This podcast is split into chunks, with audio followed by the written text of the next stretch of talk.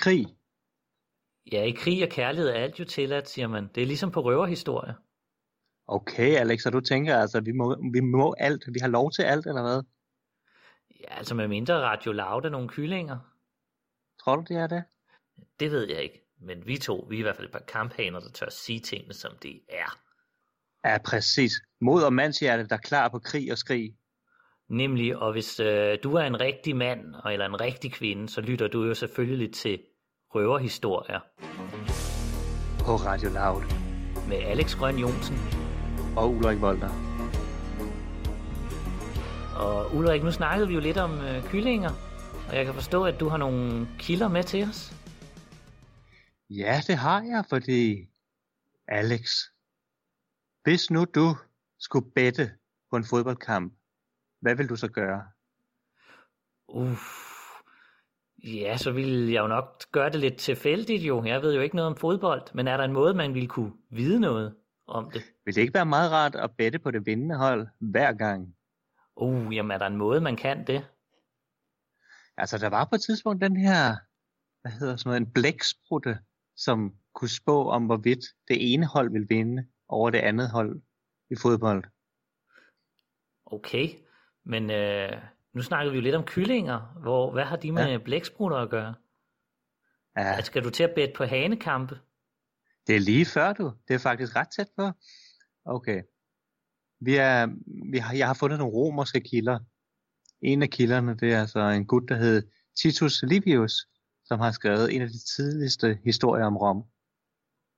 Og Titus, han beskriver så en krig, der fandt sted for lang, lang, lang, lang tid siden i Italien, før Rom, Rom blev rigtig stor. Der var nogle kyllinger, der var med i den her krig, Alex. Altså ved du, hvad de krigskyllinger? Krigskyllinger, ja. Ved du, hvad de gjorde? Altså, man, man tænker umiddelbart sådan nogle, der løber rundt i, i rustninger og slås og sådan noget, men, men, men det kan det vel næppe være. Det var spotdomskyllinger, du.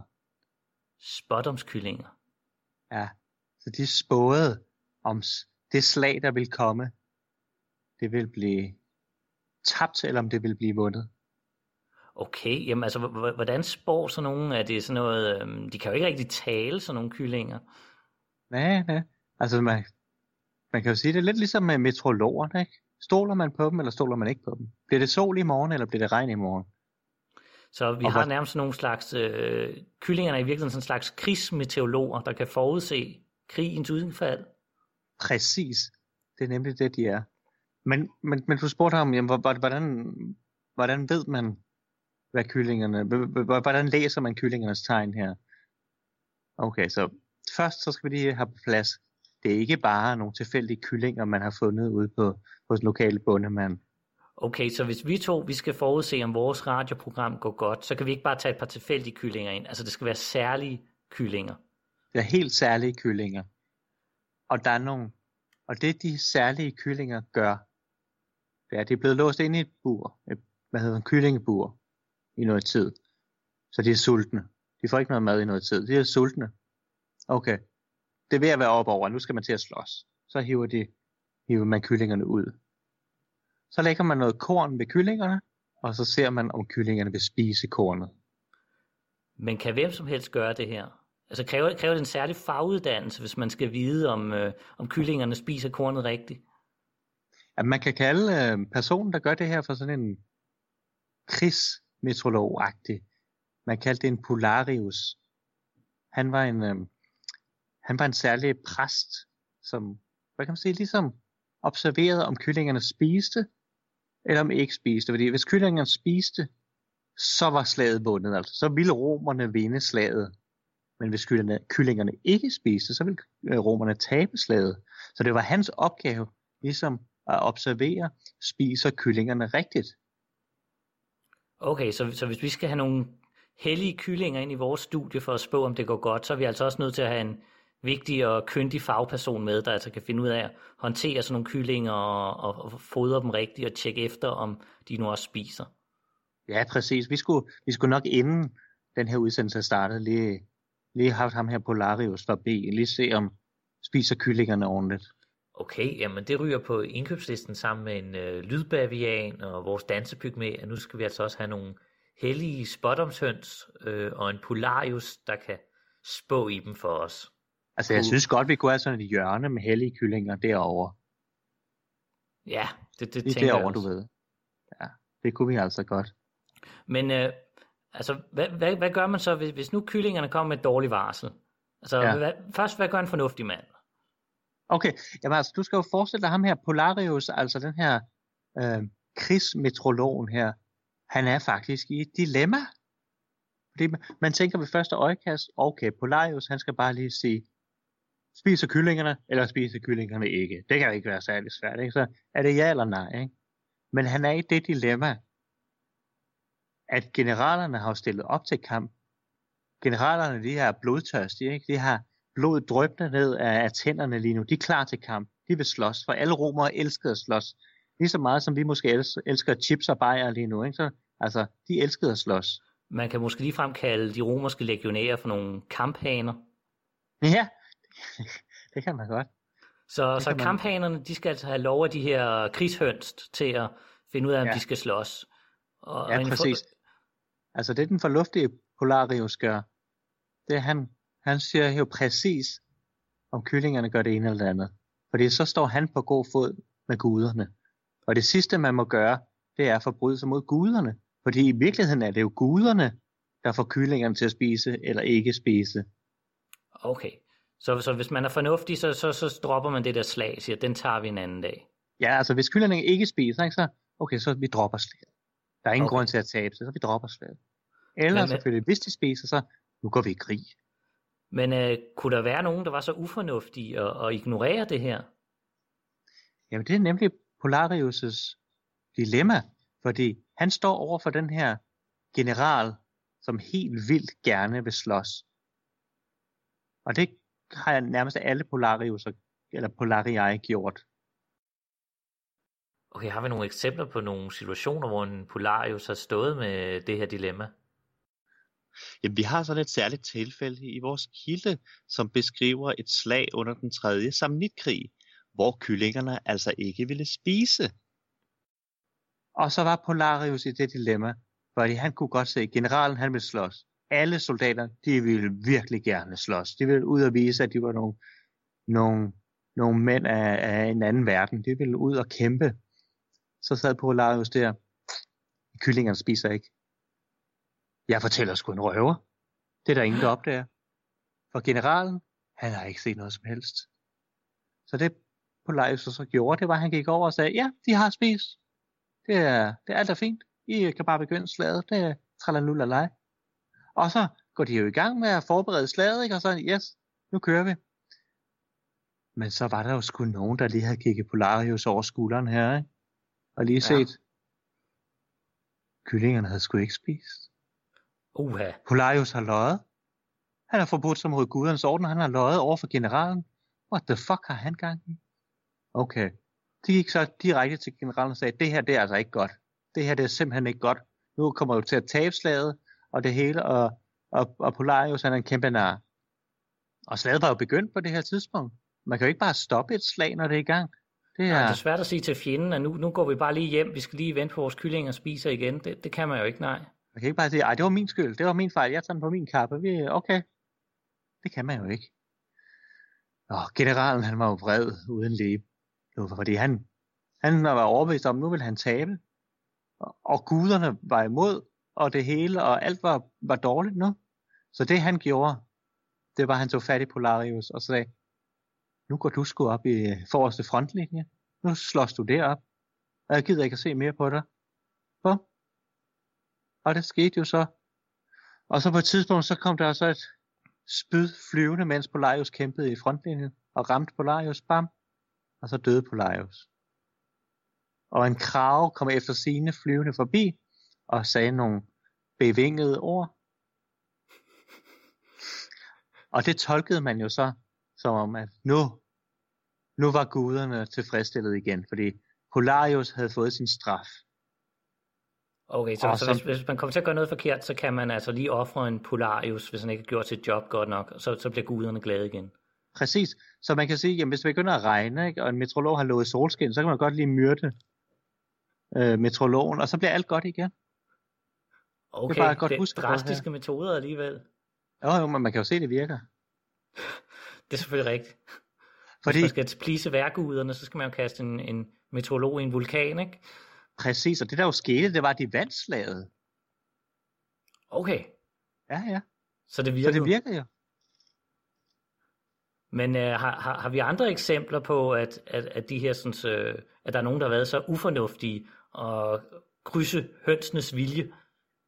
Ja, altså vi har faktisk endnu en kilde, og det er så en, en gut, der hedder Cicero, som er, som er en af de store, hvad kan man sige, taleskriver, en sådan retorikkens mester.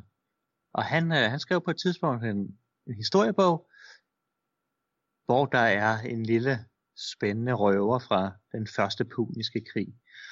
Og under den første puniske krig, der var et stort øh, søslag mellem romerne på den ene side, og en anden stor magt, der hed Karthago. Og de slog sig altså virkelig som, ja, man kan godt sammenligne det lidt med, øh, med 2. verdenskrig måske, fordi det var virkelig sådan titanernes kamp, det var mastodonternes kamp mellem Rom og Karthago.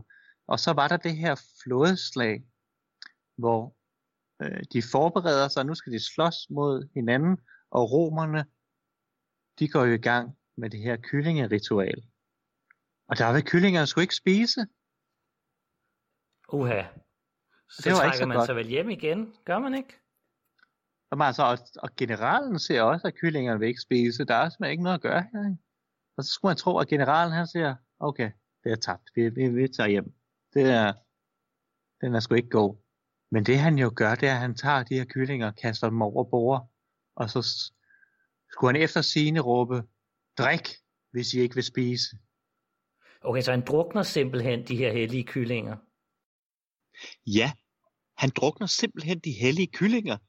Og det svarer jo nærmest til sådan en koranafbrænding i vores dage, ikke? Altså det er på listen over sådan ting, man ikke skal gøre, hvis man gerne vil have et langt liv. Vi, vi, vi er oppe i øh, den farlige ende af skalaen her. Ja, det er, det er, det er rødglødende nu, ikke? Og det, altså, det er jo fordi, at den her general, han vil ud og slås. Han vil ud og kæmpe, og han vil ud og få noget hæder, ære og det hele. Og så begynder flådeslaget selvfølgelig, ikke? Men hvad er det, der er sket? Et, kyllingerne vil ikke spise. Slaget er tabt. To, han har jo forbrudt sig mod Gud. Han har fornærmet guderne ved at smide de her kyllinger over bord. Okay, så han taber simpelthen søslaget, altså guderne straffer ham ved at, ved, at, ved at smadre den her flåde. Guderne straffer ham som den lille sutteklud, han var. Men det kan de vel ikke være glade for i Rom? Hvad, hvad, hvad, hvad sker der så? Jamen altså, du skal forestille dig i Rom, ikke? så hold da op, de har tabt, en, de har tabt et, øh, et slag, men værre endnu, guderne er jo blevet fornærmet. Så ham her, generalen, han bliver jo smidt for en, øh, en krigsret, en domstol simpelthen. Og han, kilderne nævner, at han lige akkurat slipper med livet i behold. Men det værste var jo ikke, at han havde tabt slaget. Det værste var, at han havde forbrudt sig mod guderne. Så han blev dømt for blasfemi. Okay, men altså, ja. han, han blev så ikke slået ihjel, men han fik, så en, fik han en bøde så? Ja, han fik en, øh, en bøde, som uh, skulle efter sine have været rimelig omfattende.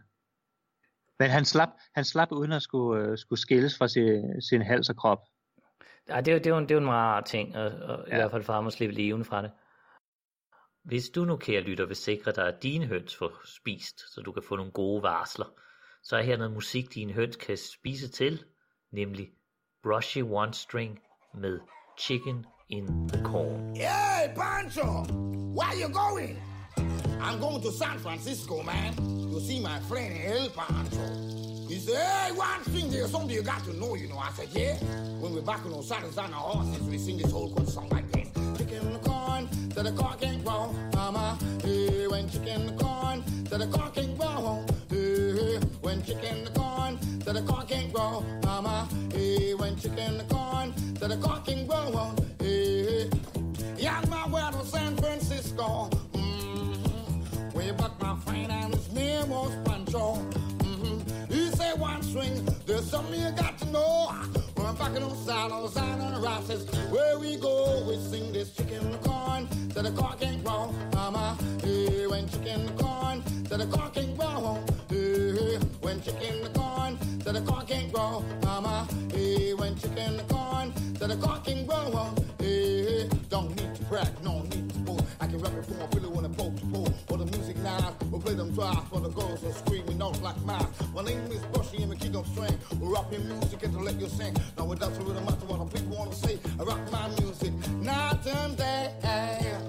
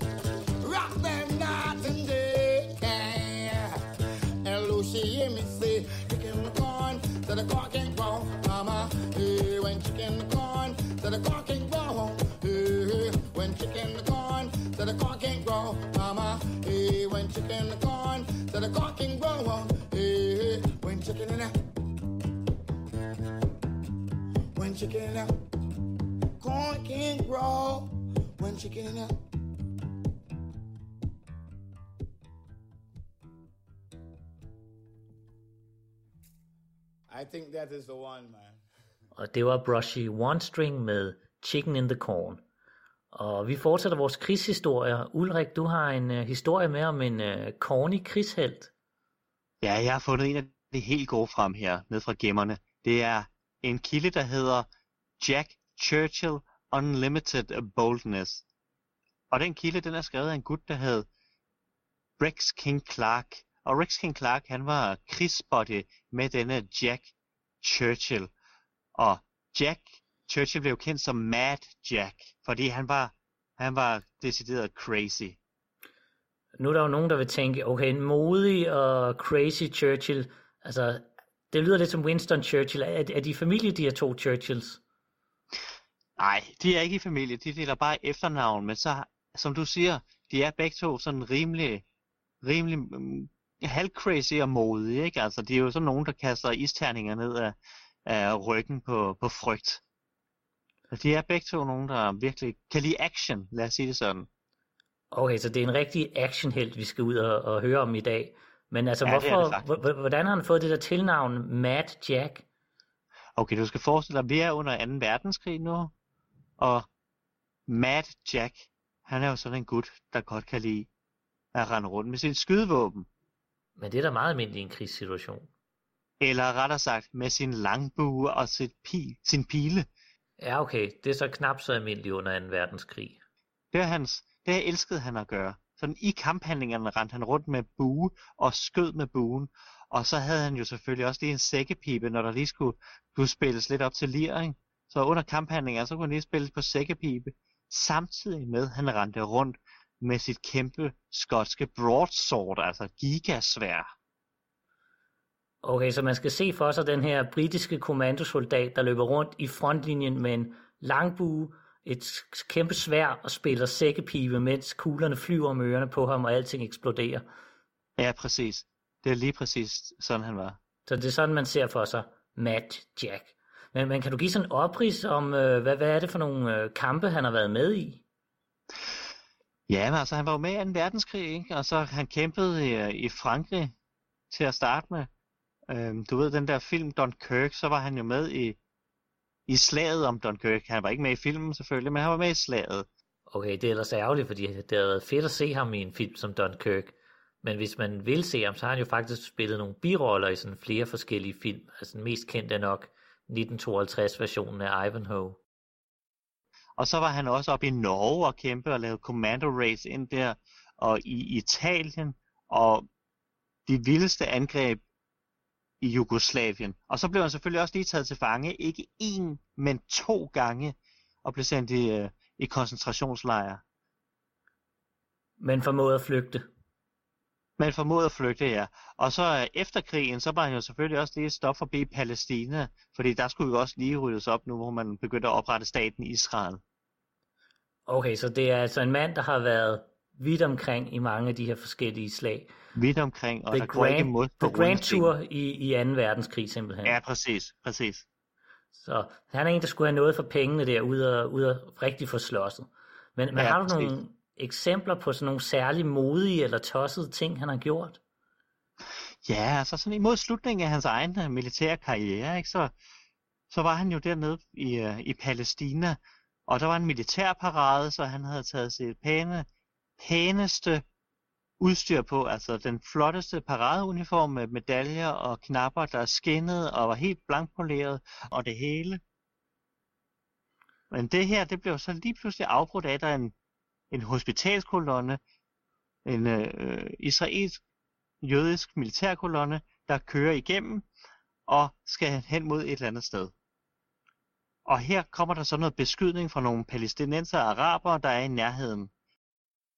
Okay, så den her hospitalskolonne bliver altså fanget i krydsilden mellem øh, de arabiske og, og jødiske militser. Og det spotter Jack Churchill så, og så ser han snit, sit snit til at få en del af kamphandlingerne her. Ja, fordi hvordan er det? Altså, britterne er jo neutrale, så, så han må jo ikke sådan set gå ned og slås, men, men der er vel nogle civilister, han skal ned og redde. Ja, præcis. Og han spørger så sin chef, må jeg ikke nok komme ned og slås? Jeg vil bare gerne slås. Men der, nej, det må du ikke. Det må du ikke, Matt Jack. Men du må godt gå ned og, og hjælpe civilisterne ud af det her. Men du må ikke slås. Okay. Ja, og så bliver han jo nødt til at gå ned og spørge, om de vil have hjælp fra ham. Så spangulerer han midt igennem krydsilden. Kugler, der flyver frem og tilbage fra den ene side til den anden side. Midt i det, så går Jack i den her pletløse uniform fuldstændig top notch med et kæmpe smil på læberne. Fordi som han selv sagde, jamen altså hvis man smiler til folk, så skyder de jo ikke igen. Og så går han ned til israelerne, mens kuglerne flyver med ørerne på ham, lige så stille, banker på, på døren, fordi de gemmer sig inde i en, i en bus. Okay, men det er altså de her civilister inden for hospitalskonvojen, der gemmer sig inde i bussen. Øh, og hvad, hvad sker der så? Så banker han på bussens dør, bum bum bum, de åbner, og så spørger han så, hey, øh, vil I have min hjælp? Okay, så han tilbyder faktisk at evakuere de her civilister, men hvordan reagerer de på det? Og så kigger de sådan, du virker rimelig crazy.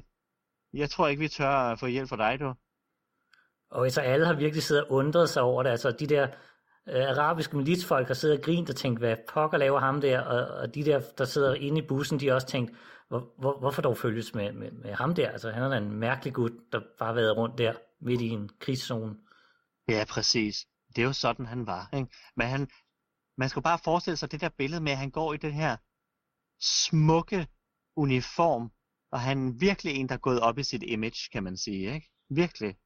Okay, har, har du nogle gode eksempler på det der med, med hans image? Åh oh, ja. Ja, der er også en lille god en fra da de raider Norge. Så er de inde, og så lige pludselig så er der noget, der eksploderer, og han får sådan et ar i panden. Og det er så i starten af hans militære karriere her. Så får han arret i panden, og de andre soldater, de ser jo så det her ar, og det er sådan rimelig bad at have et ar, ikke? Det er sådan, wow, det er respekt. Det er jo kroppens medaljer, kan man jo godt sige. Og det er Jack jo rimelig bevidst om. Og han bliver så ret kendt på grund af det her, det her ar, han får. Men der går jo noget tid, så begynder arret at falme lige så stille. Du ved sådan, det begynder jo at hele. Det går jo ikke. Så Jack Churchill, han finder jo lige sin kones læbestift. Dup, dup, dup, dup, dup. Og så bliver arret jo ligesom tegnet lidt op igen af den her røde læbestift, så det igen ser blodigt og voldsomt ud. Men det der ar, var det egentlig et, han fik øh, på grund af et skud, eller? Ej, det var en, øh, en flaske, der eksploderede i hånden på ham Okay, så han under, havde, under kamp. Men det var på Okay. grund af trykket fra en, en eksplosion i nærheden. Så, som fik en flaske til at eksplodere, så han øh, Ja. fik en rift. Man skal passe lidt på med det der med begynde at drikke vin på, på, på slagmarken. Men igen, det er Mad Jack, ja. Vi er ude i. Det er Mad Jack, ikke? Ja. Og han er jo kendt for også at rende rundt med nogle sådan mærkelige ejendele, men det er vist ikke altid, han sådan er lige forsigtig med sine ejendele. Nej, Altså jeg kan forstå, Ej, han han er også sådan lidt af en, altså også det der, han, han, han er også lidt af en, øh, en, en prankster jo. Altså det der med, at han går og tegner det. sit øh, øh, ar op.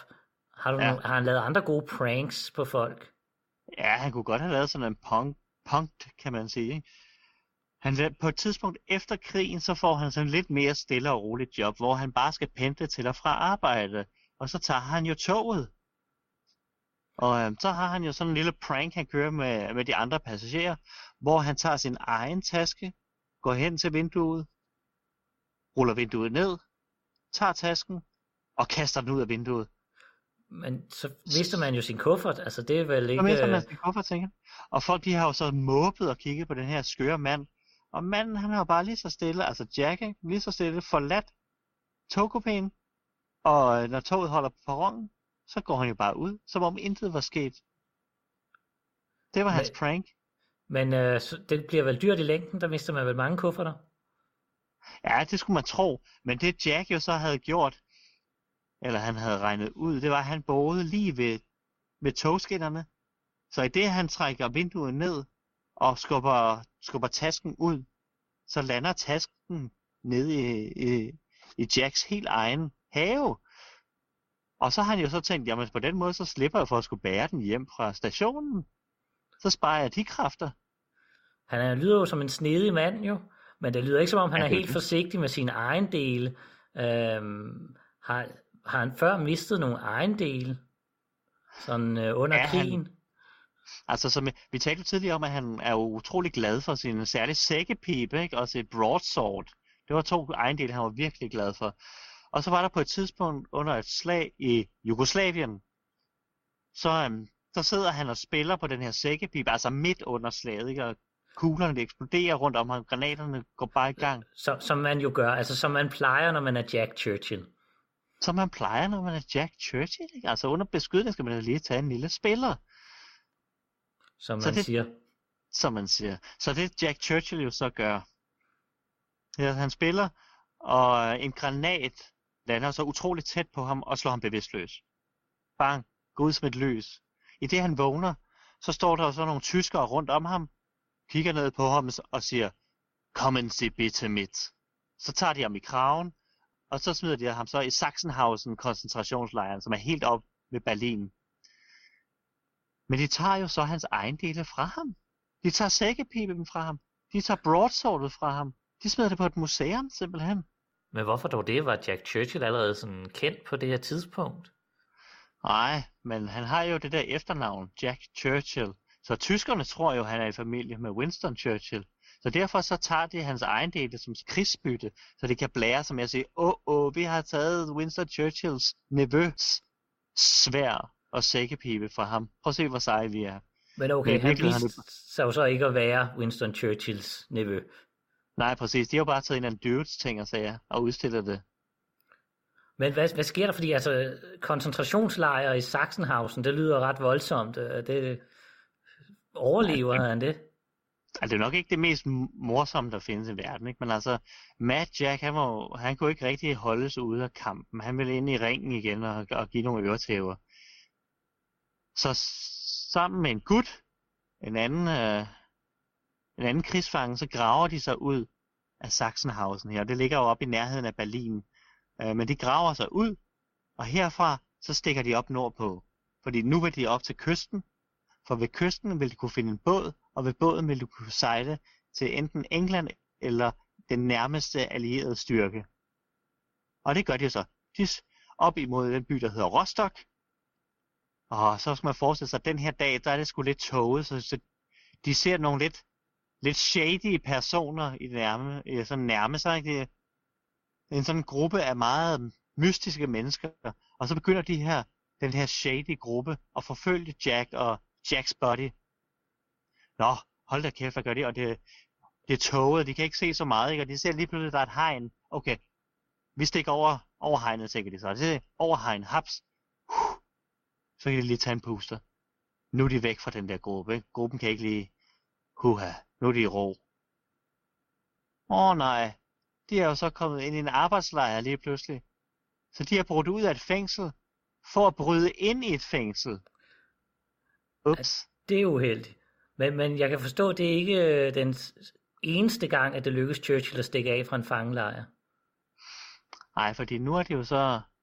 Øhm, så bliver det så transporteret fra den her arbejdslejr, de er så brudt ind i, til en ny fangelejr. Den her er så i Østrig. Den nye fangelejr, som de kommer ned til. Og så sker der det på et eller andet tidspunkt. De laver noget arbejde dernede af, som man jo gør i en koncentrationslejr, arbejdslejr, fangelejr. Laver noget arbejde, og der er nogen, der overvåger dem. Og det er jo nok ved aftentid eller noget af den stil, fordi lygterne er tændte for at overvåge dem. Men når et eller andet går galt, lygterne går ud. Og så Jack Churchill kigger så lige omkring og siger, nu har han sit snit. Så går han jo bare ud. Så forlader han jo bare sted. Ikke noget vildt og voldsomt øh, øh, flugt, bare sådan, han går. Forlader stedet, går ned sydpå. Og fordi det er Østrig, så tænker han, nu går jeg sgu da igennem alberne. Fordi vi er så sent i krigen, nu er trængt op igennem Italien, så måske han kan støde på nogle allierede styrker i Italien. Og efter noget tid, ved at have samlet sig lidt af det frugt og, og grønt, han kan finde på vejen, og de ja, sporadiske madvarer, så støder han jo på nogle amerikanske styrker. Okay, så efter at have vandret flere dage alene ude i, i alberne, så må det jo virkelig være en lettelse at, at møde nogle allierede tropper. Det amerikanske styrke, det er sådan et, du ligner rimelig meget en hjemløs. Du ligner ikke en britisk officer. Men Jack Churchill får dem så talt ned og får sagt, okay, jeg er altså en britisk officer. Ham her Jack, der går han så glip af, af 2. verdenskrig, altså resten af det herefter? Jamen altså, han vil jo gerne have det sidste juice presset ud af citronen. Han vil gerne, nu hvor tyskerne og italienerne så ryger ud af krigen, så vil han gerne lige have det sidste med. For japanerne er stadig med i krigen. Så det der sker, det er, Jack Churchill han vil til Burma. For i Burma, der er der sådan nogle japanere at slås imod. Så han øh, tager afsted mod Burma, altså hvor det er som Myanmar. Men så gør de skiderikker det nummer ved ham. De kaster nogle atombomber over Japan, de amerikanere, og afslutter krigen. Nej, hvor blev Jack sur. Øv, det var det værste, man kunne gøre. For som Jack Churchill så sagde, hvis det ikke havde været for de skide yankier, så kunne krigen have fortsat i 10 år til. Og det havde jo været fedt med 10 års eventyr til.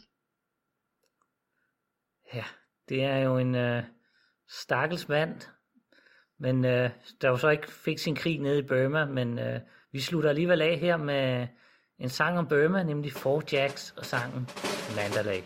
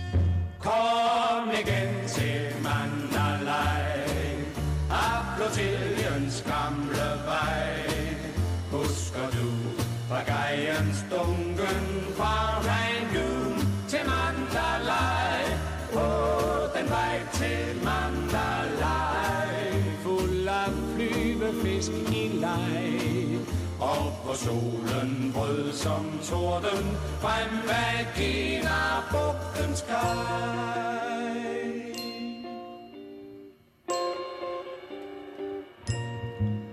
Når hver rigsmagt drev tog, og det led mod solnedgang, greb hun til sin ukulele, og kula lulu hun sang. Kind mod kind, vi sad og så på bugtens både stammestavn. Laste tig træ favn på favn, i den ship-shop både havn. I den ship-shop både havn. Kom igen til Mandalay, af gamle vej. Husker du pagajens lunken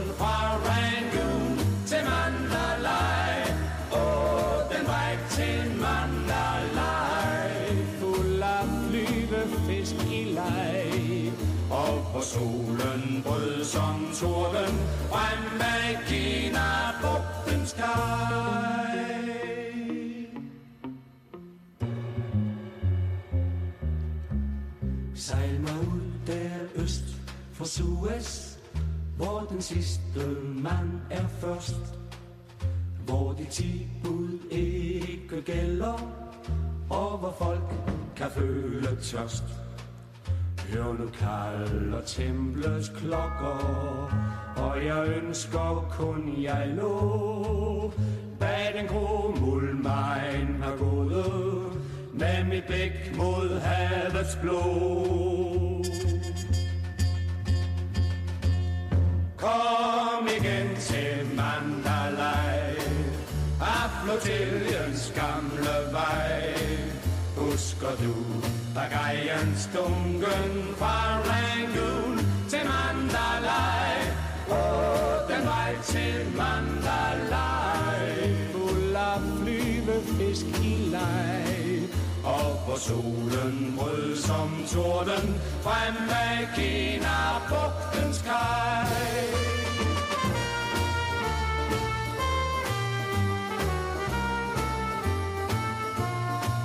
Der hvor solen brød som torden, frem af Kina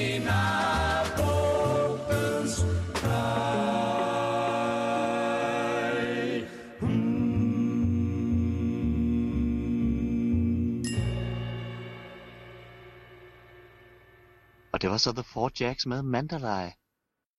Og vores held Matt Jacks eventyr stoppede jo så, desværre for ham, med at atombomberne blev kastet over Japan og den anden verdenskrig afsluttes. Men hvor et eventyr slutter, starter et nyt.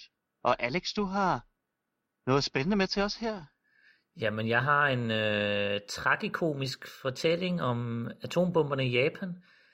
Vi skal Ja. til en øh, kilde af en, der hedder Tsutomu Yamaguchi, øh, som har skrevet Double A-Bomb Victim, My Life Beneath the Atomic Clouds. Okay, det lyder som et rigtig ubehageligt liv. Det er også en, en fortælling, der er altså, tragikomisk, for vi har at gøre med en mand, der på den ene side er ekstremt uheldig, men på den anden Ja. side faktisk også ekstremt heldig. For det kommer lidt okay. an på, om man ser glasset som sådan halvt tomt eller halvt fyldt. For ser du Yamaguchi, han var sammen med to kollegaer på en øh, forlænget forretningsrejse i Hiroshima i sommeren Okay. 1945. Hiroshima. Der sker noget spændende i Hiroshima i 45, så vidt jeg husker. Ja, men det er jo der, der falder en atombombe. Heldigvis for Yamaguchi, så det er i starten af august, så, så bliver de faktisk øh, færdige med øh, det her projekt. Han, ude, han skal ud og designe skibe, han er skibsdesigner, og de er faktisk Ja. færdige med projektet og skal egentlig til at hjem af. Okay. Desværre så bliver deres udrejse forsinket, de får ikke lov at rejse ud øh, før den 7. august. Åh, det var da sgu da ærgerligt. Ja, fordi atombomben falder jo som bekendt den 6. august. Der sker jo det den 6. august. Der øh, er Yamaguchi og hans kollegaer. Nu er de jo alligevel til stede dernede, så de kan jo lige så godt møde ind på skibsværftet. Så de tager jo afsted Ja, ja, om morgenen og stiller sig ud og venter på bussen. Og mens de venter på bussen, så går det op for, for Yamaguchi, at han har glemt sit stempel. Ja, for han bor jo sådan midlertidigt med sine to kollegaer der i udkanten af Hiroshima. Og det her, det svarer jo sådan lidt til, at han har glemt sine nøgler og skal tilbage og hente dem. Så det er jo, det er jo starten på en virkelig en off day, ikke? Sådan, øh. Det er en off day, og det er en af de der dage, hvor man måske bare skulle være blevet i sengen. Altså det er, det er en af de dage, hvor de hellige kyllinger ikke har spist. Altså det, det er Ja. sådan en slags dag. Det det. Men altså, Yamaguchi, han er jo en arbejdsom så han bliver jo ikke bare hjemme. Altså, han går ind og henter det stempel, og så går han ud og finder en sporvogn og tager afsted på vej til arbejde. Ja. Og han når så hen til sin nærheden af arbejdspladsen og stiger sporvognen, og øh, mens han kommer gående ad står en dame og kigger underligt op mod himlen. Ja.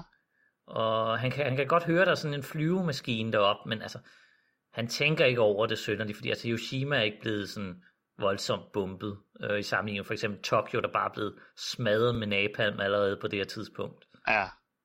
Men han kigger jo lige op for at se, hvad, hvad er det, hende her dame, hun kigger på, og så kan han se, at der er sådan en ting på vej ned i, i en faldskærm. Okay, og det er ikke en faldskærmsoldat? Det er desværre ikke en faldskærmssoldat. Det er derimod øh, en verdenshistorisk begivenhed. Det er simpelthen atombomben over Hiroshima, der er på vej ned mod dem. Det er jo verdenshistorie in your face. Men hvad gør han så? Han når ikke meget andet. Han står, han kigger, og så pludselig kommer der et lysglimt, og han bliver blæst om kul, og, og ja, så er atombomben altså gået i gang. Og Sådan. på, på få sekunder, så er hele Hiroshima jo bare forvandlet til et kaos af død og ødelæggelse. Altså, Ja. Byen står i flammer, en kæmpe røgsøjle, eller ildsøjle rejser sig over byen. Himlen bliver mørk, og det falder ned med tagsten, og der begynder sådan at regne sort regn ned over byen og alt sådan noget. Altså, det lyder ikke helt heldigt. Nej, men, men han er altså en heldig mand, ham her Yamaguchi, for han, han, han formår at overleve. Og han Ja. skynder sig at finde et sted, hvor han kan løbe hen og komme i, i, i dækning. Men altså, han, han er så uheldig, at han så til gengæld er blevet ret forbrændt på kroppen. Fået svitset håret Ja. af og forbrændt på den ene side af kroppen. At der kommer sådan en eller anden form for varmebølge, eller et eller andet sådan varme trykbølge. Det Nemlig, hele. altså det er simpelthen varmebølgen, der har, har, ja. har Ja. skadet ham på den måde. Øh, men han er så heldig, at, at der er et par skoleelever, der har søgt dækning øh, der, hvor han også er. Og nogle Okay. af dem har altså noget kokossalve med, som, Uh, som han ligesom kan smøre sine skader ind i, og derved lindre noget af, noget af sin smerte. ja. Men altså, Yamaguchi, han er, han er jo en rigtig mand. Og, og hvad gør en rigtig mand, øh, når han lige er blevet ramt af en atombombe? Smør sig ind i kokosolie. Ja, ud over det. Men en rigtig mand, han går på arbejde. Altså, man, Det går, han da. man stopper ikke med at gå på arbejde, bare fordi man er blevet ramt af en A-bombe. Altså, der må man lige... Øh, hans arbejdsplads er dog sådan relativt smadret. Okay, så hans arbejde er altså blevet bumpet lokum nu. Så kunne han da lige så godt være blevet i sengen, og nu, hvor der slet ikke er noget arbejde at udføre. Ja, men til gengæld så er han så heldig, at i nærheden der finder han en hytte, hvor der er noget forbinding, så han kan få noget forbinding på sine brandskader. Ja. Altså, så han beskriver selv, at han, han, han ligner en snemand. For han er simpelthen blevet Ja. pakket helt ind i bandager og salver og Mhm. alt sådan noget. Ja. Og han er oven i købet så heldig, at mens han så øh, sidder og hviler sig efter det her, så løber han sgu ind i sine to kollegaer, der begge to har overlevet. Nå, det er sgu da heldigt. Det er så heldigt, at de alle tre er, er samlet.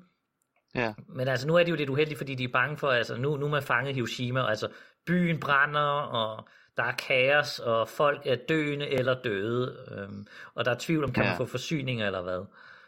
Men næste dag, så løber de ind i nogle af deres chefer, fra, Okay. altså chefer nede i Hiroshima, der fortæller dem, at, øh, at hvis de er hurtige, så klokken 1 om eftermiddagen, så går der altså et evakueringstog til, til deres hjemby. Okay, et særligt tog, der er blevet sat ind for at kunne evakuere Nemlig de overlevende. Så, så, så de haster jo, altså nu, nu er de ret sådan, skade alle sammen, ikke? men så hurtigt man nu kan der igennem byen. Desværre så er der en af dem, ham, ham, han bliver de væk fra, en af de der kollegaer. Okay. Øh, så han når vist ikke toget, men han overlever, han overlever. Okay, det Øhm, var godt. Men to af dem når altså frem til, til det her tog, og, Ja. ja. og så sætter de sig ind i toget, og de er selvfølgelig lettet over, at de kan komme væk der den, øh, allerede der den dagen efter. Ikke? Okay, og så kan de endelig puste sådan åndelettet op. Nemlig. Puste ud åndelettet op. Men altså Yamaguchi, han, han er jo virkelig blevet sløj af det her. Altså, han er, mens han sidder i Ja. toget, så er det, at kroppen ligesom giver efter, og han får en, en, en byld, der samler sig, og, og 40 graders feber og sådan noget, så han får sovet hele togturen. Okay. Og det er jo meget godt, fordi nu, nu skal det endelig hjem til sin kone og sit barn, ikke? og måske også hjem til Nemlig. sine forældre og få lidt omsorg og lidt, lidt tender love and care. Ja, fordi altså hjemme i hans hjemby, der bor netop altså, hans kone, og han, han har et lille spædbarn og hans forældre, men Ja. Der er bare en ulempe. Hans det? hjemby, Ja. det er Nagasaki. Så han er lige på vej mod den næste atombombe, du. Nå, da da en ulykke kommer der sjældent alene. Det er vist noget af en sprængfarlig situation, han er ude i. Ja, altså han, han ankommer der om morgenen den 8. august, og, og det første han gør, det er at gå ind på hospitalet der, og der er han så heldig, at, øh, at der finder han en, en læge, han kender, som øh, kan hjælpe ham med at få styr på den der byld. Og så, så derefter, så, ven, der, ja. og derefter er hans, hans familie, de er sådan rykket, blevet evakueret lidt ud af byen, men, men hans forældre bor der endnu, så han, øh, han tager hjem til sine forældre. Ja. Øhm, og han er så uheldig, at altså, forældrene de er så ude, da han kommer. Øhm, altså ude af huset. Så han sætter sig jo og venter der foran, øh, foran familiens husalter, fordi sådan nogle har man jo i, i mange japanske familier. Men et husalter, hvad er det for noget? Jamen, I japansk buddhisme har man noget, der hedder en butsudan. Det er sådan en slags familiealter, man kan have i private hjem, man kan bruge til at bede til Buddha, eller til at kontakte forfædrenes ånder om hjælp. Og man må sige om uh, Tsutomu Yamaguchis forfædre, at så de har en morbid form for humor. Altså på den ene side, så straffer de ham hårdt, men samtidig så sørger de jo også for at beskytte ham igennem alle de her katastrofer. Jamen, hvad skete der så, da hans forældre kom frem? De får jo et chok. Ja. Fordi øh, de, de, de havde jo øh, troet, at, de havde hørt om Hiroshima, så, så de troede faktisk, at han, var- at han var, var afgået ved døden. Så da de kommer hjem og ser den her hvide øh, gespæt sidde der, så tror de faktisk i starten, at, at det er altså et spøgelse.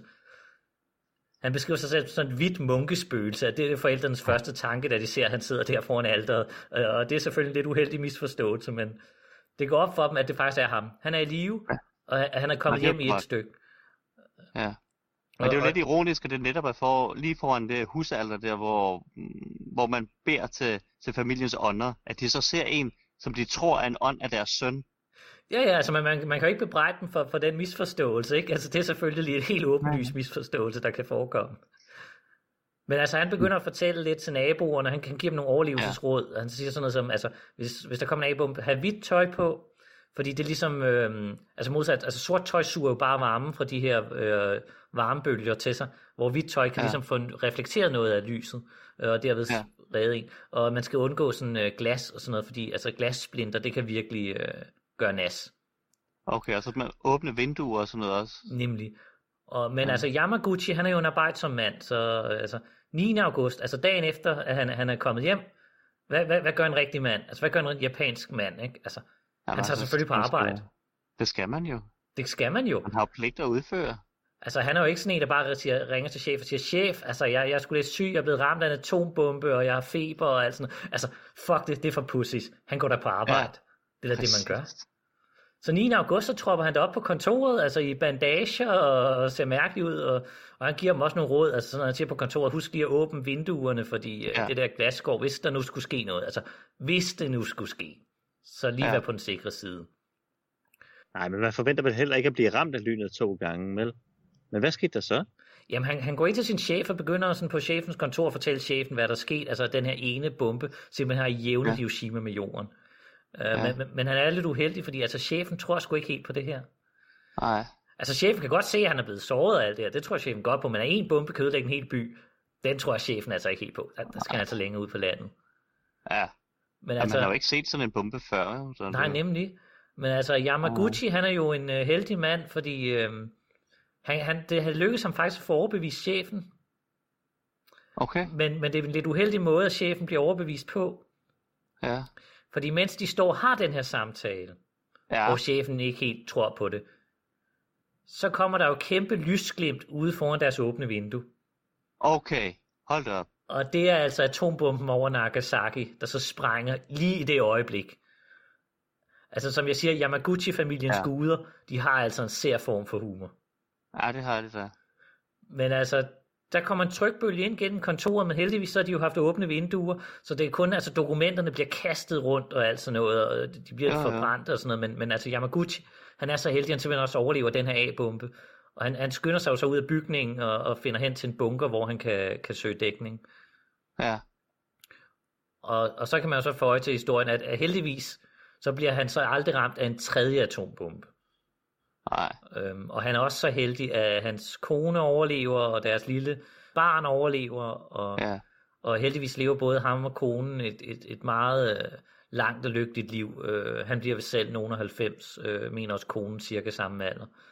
Ja de bliver faktisk begge to 93 år og dør i 2010. Deres søn bliver dog kun 60 år, øh, fordi Ja. han får nogle stråleproblemer resten af livet.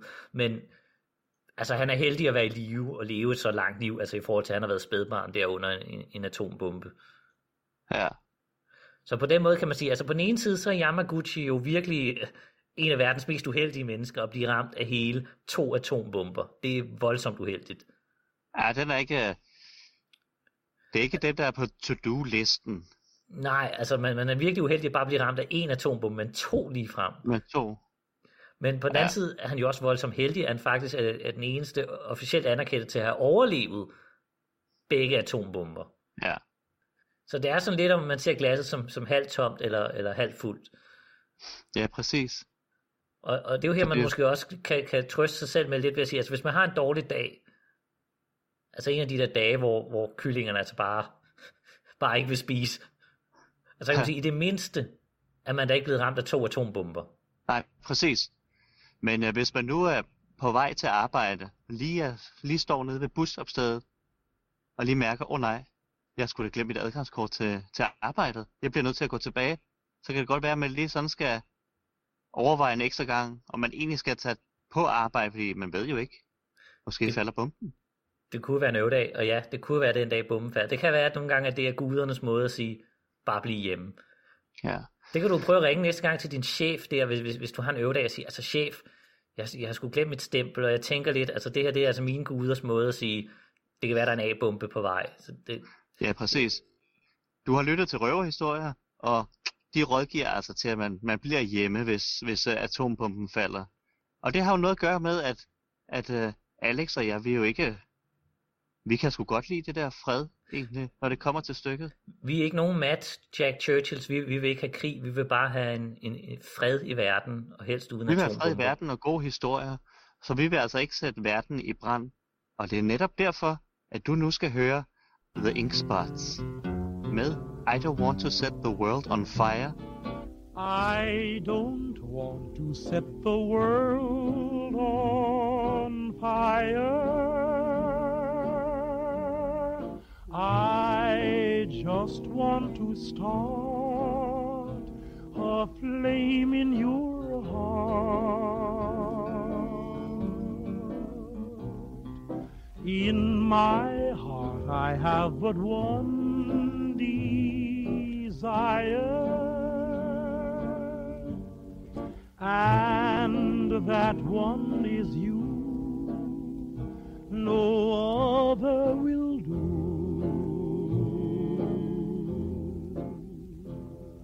I've lost all ambition for worldly acclaim. I just want to be the one you love. And with your admission that you feel the same, I'll have reached the goal I'm dreaming of. Believe me, I don't want to set the world on fire.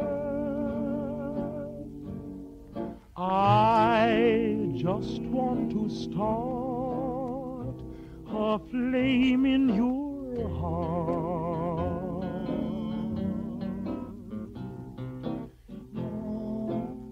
I don't want to set the world on fire, honey.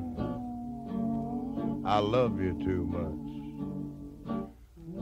I just want to start a great big flame down in your heart. You see, way down inside of me, darling, I have only one desire. And that one desire is you. And I know nobody else ain't gonna do. I've lost all ambition for worldly acclaim. I just wanna be the one you love. And with your admission that you feel the same, I'll have reached the goal I'm dreaming of. Believe me, I don't want to set the world on fire.